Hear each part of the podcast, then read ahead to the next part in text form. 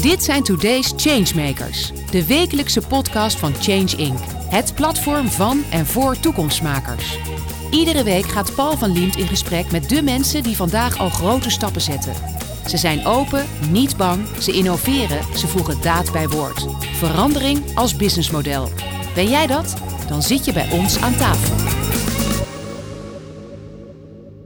Brigitte van Soest Zegens is programmamanager van de coalitie Duurzame Farmacie. In die rol verbindt ze geneesmiddelenbedrijven, apotheken, ziekenhuizen, waterexperts, universiteiten, zorgverzekeraars, patiënten en de overheid. Ze denkt dat het alleen gezamenlijk lukt om de farmaceutische sector duurzamer te maken. Welkom Brigitte. Dank u wel. Wat een waanzinnig het taak, heel erg leuk dat ik hier ben. Ja, leuk hè. Maar Ja. inderdaad, we hebben de tijd ook nodig, merk ik. Want eh, als ik kijk, eh, je bent een verbinder en dat zijn heel veel mensen, eh, staan zich daarop voor tegenwoordig. Ook belangrijk als je het kan. Maar dit lijkt me een bijna onmogelijke klus wat jij moet verbinden. Laten we daar maar uitgebreid zometeen eens op ingaan. Maar eerst, hè, dat weet je, je hebt ook een paar keer naar een paar afleveringen geluisterd. Het gaat natuurlijk altijd om het duurzame nieuws dat je is opgevallen afgelopen tijd. Het duurzaam nieuws. Ehm, ja, toevallig eh, onderweg hierheen. Toen ging het echt over de energietransitie. eh, en over de maatregelen die eh, Duitsland nu neemt. Hè, dat, dat ze ook opleggen dat, dat mensen zeg maar gewoon ook niet te, te, hard de kachel aan mo- mogen zetten. Ehm, en ehm, ja, dit gaat dan toch even... Nou, het is wel opvallend, denk ik, wat je nu zegt. Want dat is precies waar het eigenlijk al een tijd over gaat. Waarom gebeurt het in Nederland niet? Een Duitse minister die dat wel doet. Hè? Maar in coronatijd zagen we elke week Rutte en consorten.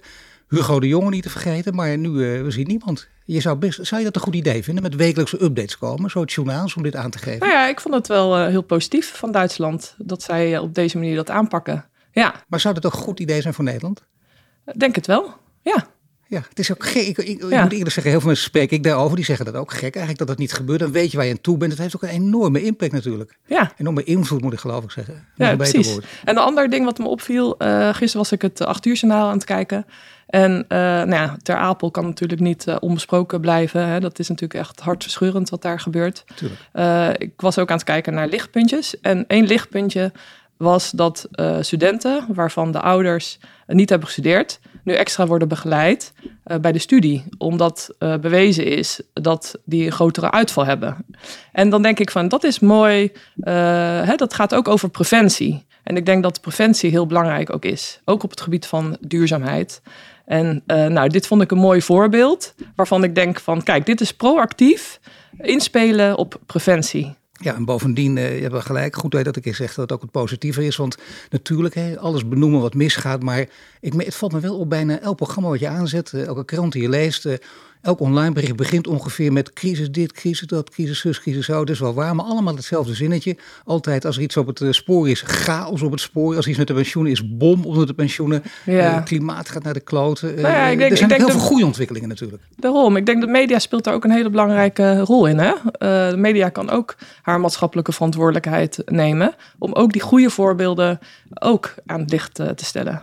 Ja, dat is een hele, hele moeilijke discussie. Ben ik helemaal met je eens, ja. Omdat Ja. media is goed dat we het toch Want er zijn eigenlijk ook heel veel mooie voorbeelden. Zeker, ik word er ook vaak op aangesproken. Die discussies voer ik ook heel vaak, ook in zaad. gaat het altijd over, ja, maar dat doen wij als media niet. Dat zouden wij ook wel anders willen. Maar de mensen willen nu eenmaal. Zo hou je elkaar een beetje gevangen natuurlijk. Hè? Ja. Zet als excuus. Wat je die verantwoordelijkheid?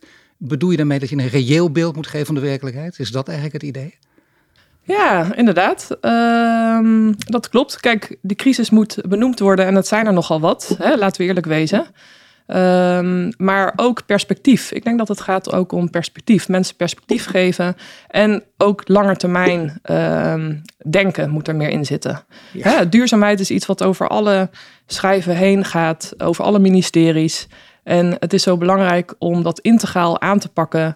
En eh, niet, eh, zeg maar, ehm, het- van, van het ja, gewoon acteren op de dingen die spelen. Maar veel verder vooruitkijken van wat zien we gebeuren. Wat is er nodig voor de langere termijn. En dat blijkt heel moeilijk, hè? want niet alleen de politiek, die krijgen vaak de schuld. Ik denk terecht, maar eh, bijna alles en iedereen is gericht op hooguit vier jaar vooruitkijken. Ja, En dus het kan er zoveel veranderen, dat is zo. Maar dat weerhoudt al die lange termijnplannen. Alles zagen we in zekere zin aankomen. Stikstof, zorg, onderwijs, mensen die niet te krijgen zijn. Dat wisten we twintig jaar geleden. Niets mee gedaan. nee, precies. Nou ja, en ik denk het, het begint ook bij jezelf. Weet je, het is te makkelijk, vind ik, om alles op de overheid eh, af te schuiven. Dus zo proberen wij natuurlijk ook eh, vanuit de coalitie te kijken wat kunnen wij hè, ook, uh, vooral ook zelf doen. Maar uiteindelijk heb je ook het systeem nodig om veranderingen te, uh, te kunnen... Nou, we over de coalitie gaan praten, wat die precies inhoudt in, in zo helder mogelijke termen. Maar ik hoor het al, de berg door in staat, het scheelt een stuk. Maar eerst even de, de, relatie. Oliebedrijven en, en, en, verduurzaming, die begrijpen we onmiddellijk. Maar de farmaceutische industrie en, en verduurzaming, en de zorg, gezondheidszorg en verduurzaming met name. Mm -hmm. Hoe ligt die relatie? Nou, um, er is een hele sterke relatie tussen de zorg en uh, duurzaamheid. Want als je kijkt dat de, de, de klimaatcrisis crisis is eigenlijk één grote gezondheidszorgcrisis. Hè? En um, een aantal voorbeelden. Kijk, als de luchtvervuiling toeneemt, dan neemt ook de longproblematiek toe. Als de hittestress toeneemt, dan uh, heeft dat ook risico's cardiovasculair voor mensen. Schoon, denk aan, aan water. Als het water niet schoon is, heb je kans op cholera. Um, op, op zeg maar ongelukken die gebeuren, migratiestromen, heeft weer een toestroom op de GGZ. Zo zijn er heel veel linken waardoor uh, de, de, de zorg uh, waarschijnlijk uh, de zorgvraag alleen maar gaat toenemen. Aan de andere kant zien we dat de zorg zelf ook een vervuiler is. Hè? iets van, er wordt ingeschat dat de zorg verantwoordelijk is voor iets van 8% van de CO2-uitstoot. Dat is veel. Ja, dus, dus er zit een wederkerigheid in. En we moeten dus daarom, ja, is het ook zo belangrijk dat de zorg ook verduurzaamt. Dan zit je in een coalitie. Ik heb net al aangegeven, bijna onmogelijke positie. Want als je ziet al die partijen die je moet verbinden. Je gaat over ongeveer 80% van de, de hele brancheorganisatie. 80% van, van, van de hele farmaceutische uh, industrie in Nederland. Dat is een hele grote club. Maar heb je als brancheorganisatie, uh, merk ik overal en altijd natuurlijk niet al te veel te zeggen. Veel mensen in de praktijk zeggen, oké, okay, interessant. We nemen het voor kennisgeving aan. Hoe ver reikt uh, jullie invloed? Ja, dat is een goede vraag. Het werd um, tijd ook, hè, minuten. ja, uh, de, de, coalitie bestaat overigens uh, uit hè, de drie brancheverenigingen, Vereniging Innovatief Geneesmiddelen, in Neprofarm, maar ook uh, de apothekers, de KNP. Um, en um, nou, de geneesmiddelbedrijven, dat zijn natuurlijk grote internationale bedrijven. Hè, dus wij in Nederland uh, kijken van wat is ons handelingsperspectief hier? Hè, wat kunnen we hier doen? Uh, en um, wat kunnen we zeg maar ja, eventueel internationaal beïnvloeden? Um, ja, nu moet ik zeggen dat um, ondanks dat het echt de meest streng gereguleerde markt is die er bestaat, uh, durf ik wel te zeggen. zeggen. Ja, nee, dat ook nog. Ja, ja zie je dat zeg maar, uh, de bedrijven die zijn echt al heel lang internationaal ook bezig. Die hebben zeg maar uh, de SDG goals, de Sustainable Development Goals van de VN. Die, ja, die hebben ze helemaal geïntegreerd in hun missie-visie. Dus daar gebeurt al heel veel. Nee, zeker, maar SDG goals, uh, missie, visie, dat horen we alles en overal. Als je op LinkedIn kijkt, het gaat nergens anders over. Maar we zien ook dat in de praktijk daar behoorlijk veel tussen aanhalingstekens mee te sjoemelen valt. Ja, maar kijk, als je kijkt naar uh, geneesmiddelen, dan uh, begint het al bij de ontwikkeling van geneesmiddelen. Dus je hebt de ontwikkeling, uh, je hebt de productie, je hebt de distributie, je hebt de gebruik en je hebt de afvalverwerking. En al die fases hebben hun milieu-impact. En um, ja, dat realiseert de sector ook. Hè? Daar, dat, daar moeten we iets mee. En deze week uh, kwam het RIVM naar buiten met een nieuwe publicatie. Ja, criteria ja. worden aangelegd zelfs. Ja, precies. En, en uh, het RIVM doet dat, uh, dat is heel mooi dat RIVM hè, als, als Nederlandse overheid betrokken is. Maar die doet dat ook samen met de Europese Commissie, maar ook met de farmaceutische sector. Dus, uh, maar kun je een voorbeeld geven? Hè? Want dat, dat, dat is bijna een soort uh, ambtelijk verhaal. Heel goed natuurlijk, criteria worden aangelegd. Dan kun je mensen ook ergens op afrekenen. Dat, dat is echt denk ik een stap vooruit, zeker. Maar kun je een voorbeeld geven? Wat, waar gaat dit helpen? Uh, nou, dat gaat helpen, zeg maar. Kijk, je moet bedenken, geneesmiddelen zijn per definitie sterk werkzame stoffen. Die om werkzaam te zijn in je lichaam ook dus moeilijk afbreekbaar zijn. Dus dat is, dat is wel een feit. Uh, maar desondanks uh, kan je toch kijken hoe kan je zorgen hè, dat je bij de ontwikkeling van geneesmiddelen al de juiste keuzes maakt. Door door te gaan met die stofjes die het minst impact hebben op het milieu. Um, nou, je hebt ook uh, steeds meer biologicals hè, op de markt. dat zijn zeg maar, um, dat, dat wordt, wordt met name ook voor oncolytica ge, gebruikt, voor, voor immunotherapie. Biologicals zijn producten die, niet, uh, die in het water makkelijk afbreekbaar zijn. Alleen die zijn alleen maar voor die toepassingsgebieden geschikt. die hebben dan weer het mankement dat die natuurlijk weer in de koelkast bewaard moeten worden.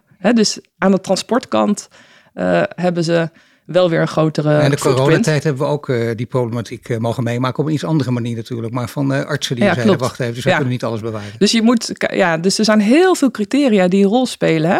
Kijk naar de CO2-uitstoot van de fabrieken. Kijk naar de chemische processen bij het ontwikkelen van de grondstoffen.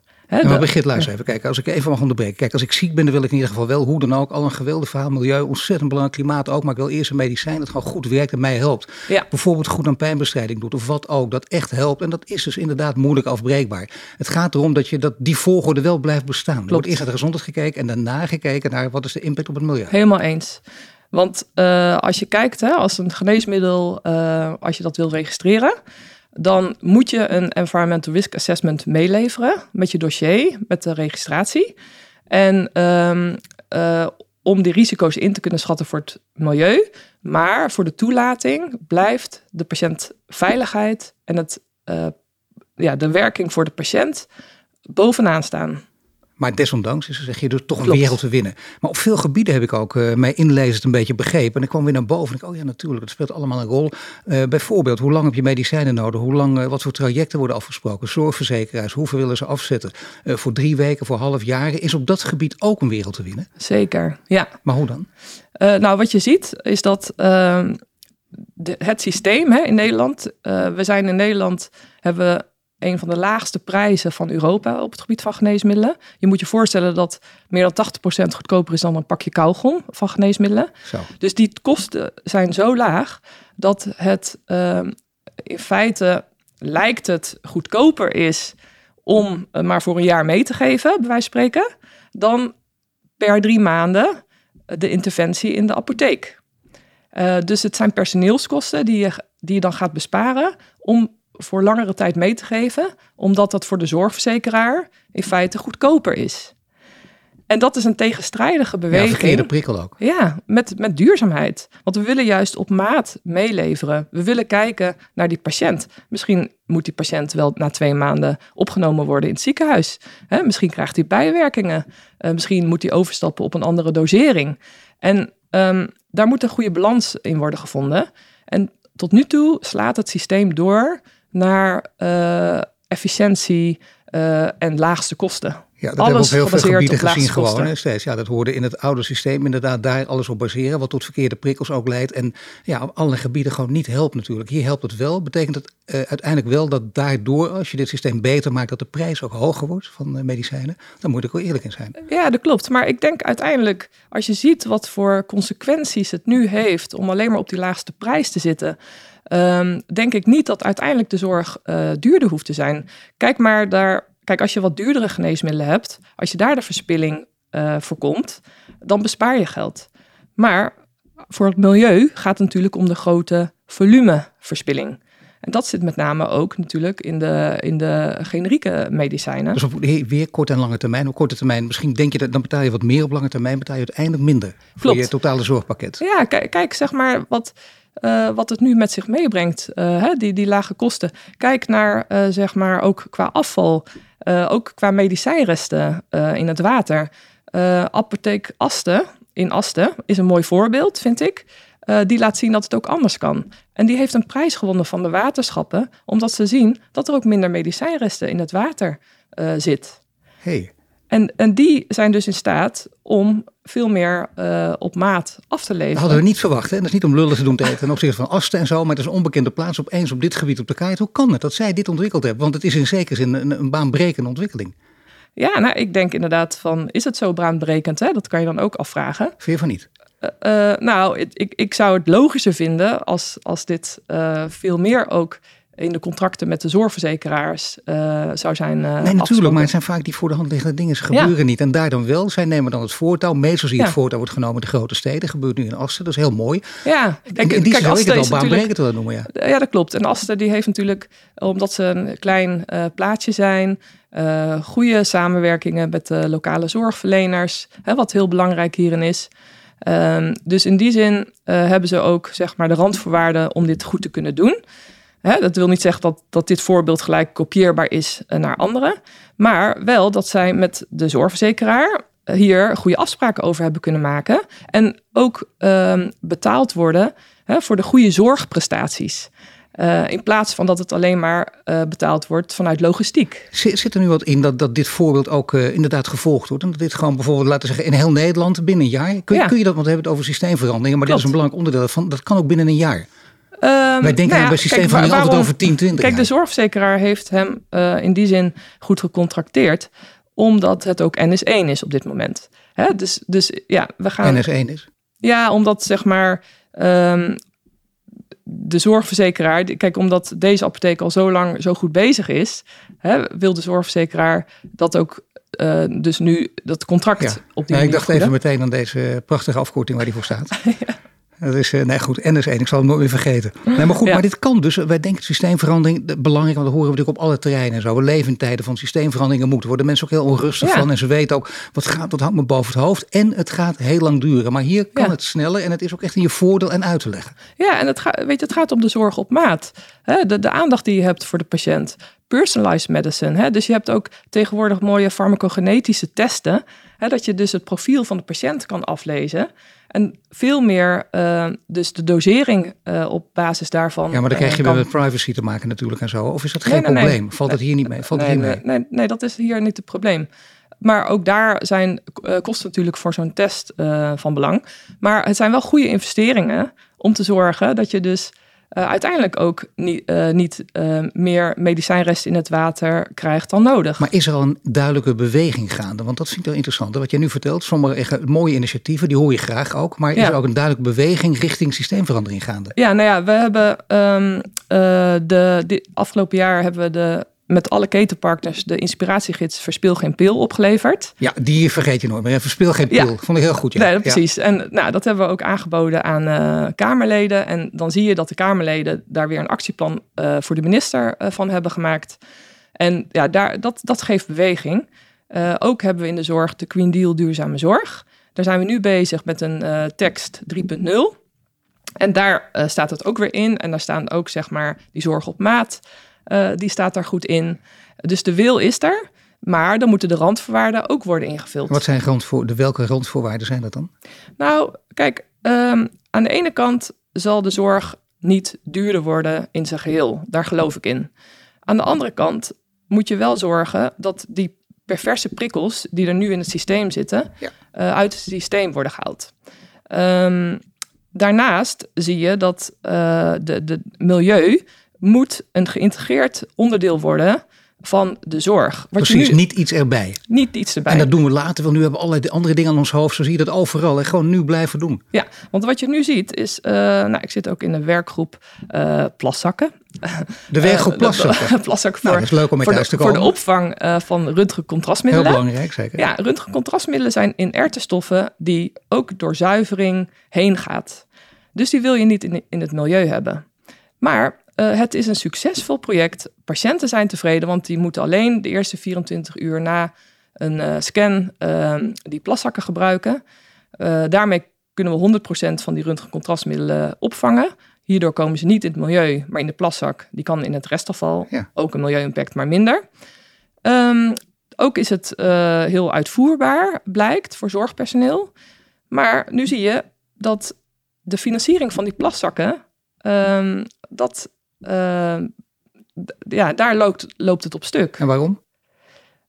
Omdat dat niet ingeregeld is, omdat zorgverzekeraars die, die willen betalen voor de zorg die ze leveren. En die zien dit verlengstuk niet als, als de zorg. Ja, precies. En daarom is het heel goed om steeds dit soort verhalen te vertellen. Volgens mij continu te herhalen, want daar ligt het. Dus hier ligt het echt bij die zorgverzekeraars. Ja. Die, die, die willen graag die perverse prikkels erin houden, want dat is hun eigen voordeel. Daar gaat het om. Uiteindelijk moeten we zorgen dat dat eruit gaat. Dat is Klopt. een belangrijke. Een ander voorbeeld is uh, ook de zuivering hè, ja. van, van, van water.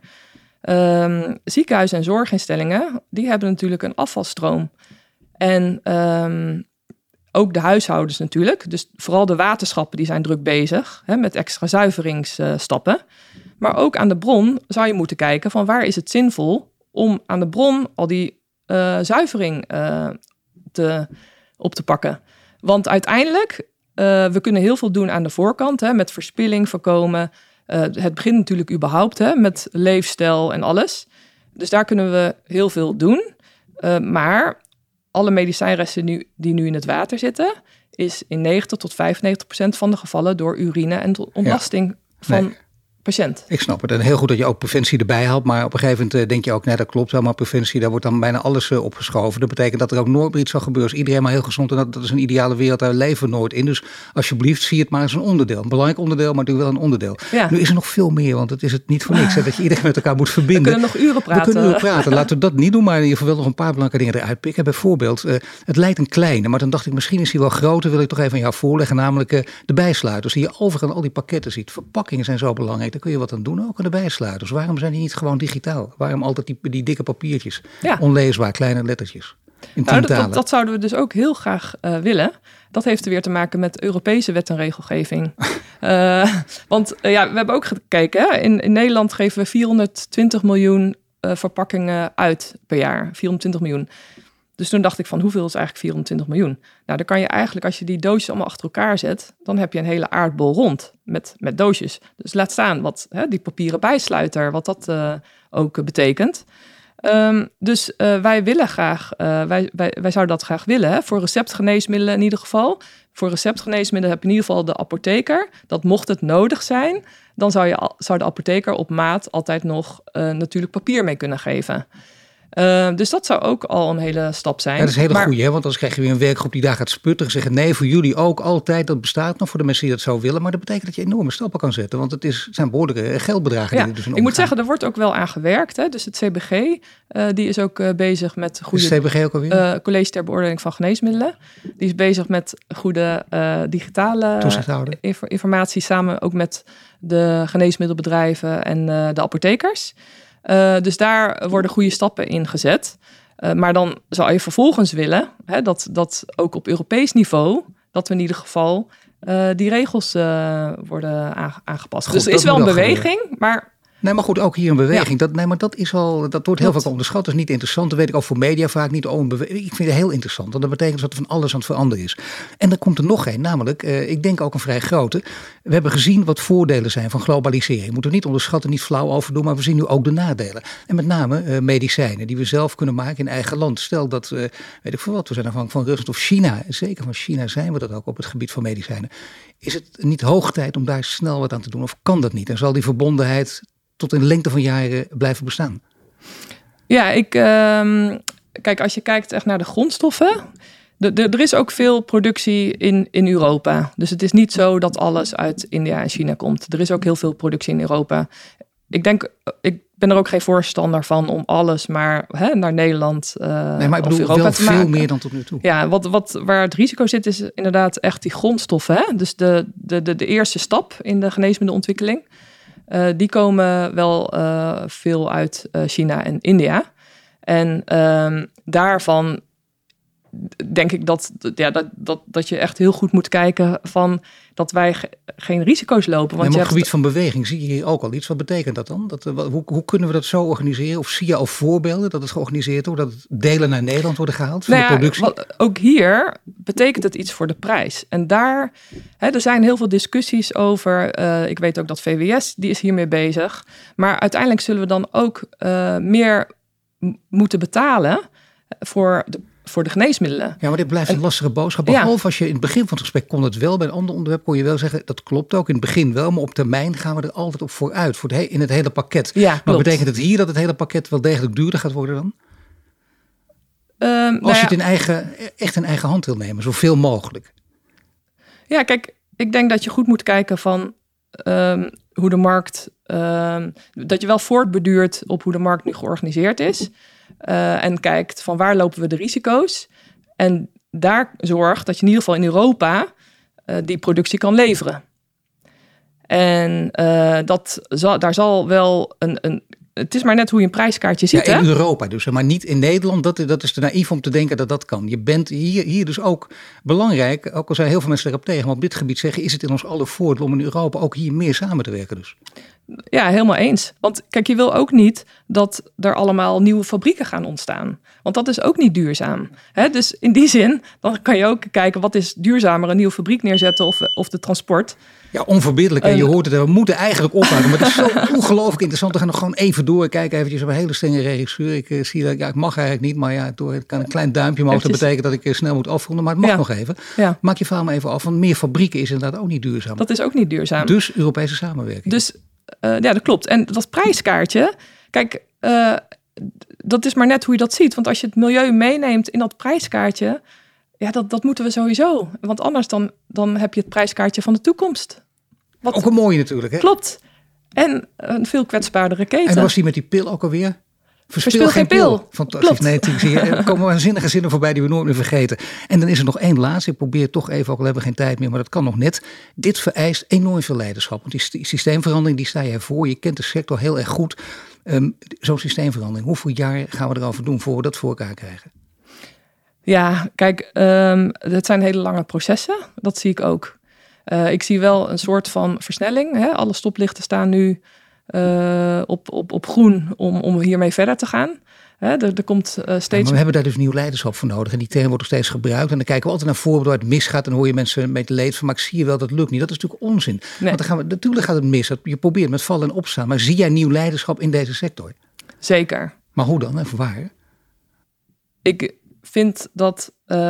Ik, ik, ja, ik, ik zie dat zeg maar de sector die is al, die heeft al heel veel mooie initiatieven uh, die we echt al kunnen laten zien. Nee, natuurlijk. Maar zie je ook een, een, een nieuw type mens, een nieuw type leider eh, opstaan in de sector?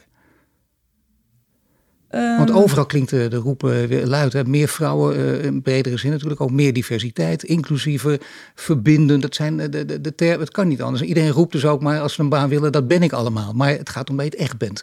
Zie jij deze eigenschappen? Zijn, die, zijn dit de belangrijke eigenschappen die nu tellen? En zie je ze ook in deze sector? Ja, ik zie zeker. Kijk, ook bij de zorgverzekeraars? Ja, ik zie daar ook beweging. Kun je namen noemen? Ik zie, uh, nou, VGZ wil ik wel noemen. Uh, die binnenkort ook een bijeenkomst heeft georganiseerd met iedereen aan tafel, hè, met alle stakeholders aan tafel, uh, om uh, veel meer te horen van de buitenwereld, om dat te betrekken bij hun inkoop. Alleen, we moeten het nog zien in praktijk. Dus ik zie een beweging hè, dat, uh, dat ze veel meer mensen betrekken. Ook bij de inspectie zie ik een beweging dat ze veel meer bereid zijn om andere partijen te betrekken bij um, um, ja, te kijken naar hun beleid. Dus ik zie wel degelijk bij heel veel uh, partijen en natuurlijk in de sector zelf uh, een hele goede beweging. Nou, jij kunt de sector heel goed overzien. Het is, het is denk ik heel goed nieuws dat jij inderdaad die beweging ziet. Maar vinger de pols houden natuurlijk. Om de zoveel tijd even hier terugkomen van een interviewtje. Kijken of het allemaal gelukt is en zo. Er is van alles, ik denk inderdaad een positieve zin gaande na dit gesprek. Meer dan nou, ik dacht van tevoren. Ik dank je Brigitte. Nou, je luistert naar een podcast van Change Inc. Mede mogelijk gemaakt door onze partners. Let op, Achmea, Albron, Ebbingen, Renewy en wat een val. Dank je wel. Bedankt voor het luisteren naar de Today's Changemakers podcast. Een productie van Change Inc. gepresenteerd door Paul van Liemt. Ben of ken jij een changemaker? Meld je dan snel aan via onze Change Inc. website. Wil je dat meer mensen geïnspireerd worden? Deel de podcast dan op sociale media. Wil je meer afleveringen luisteren? Volg ons dan nu via je Spotify, Apple Podcast of je favoriete podcast-app. En krijg een melding wanneer er een nieuwe aflevering online staat.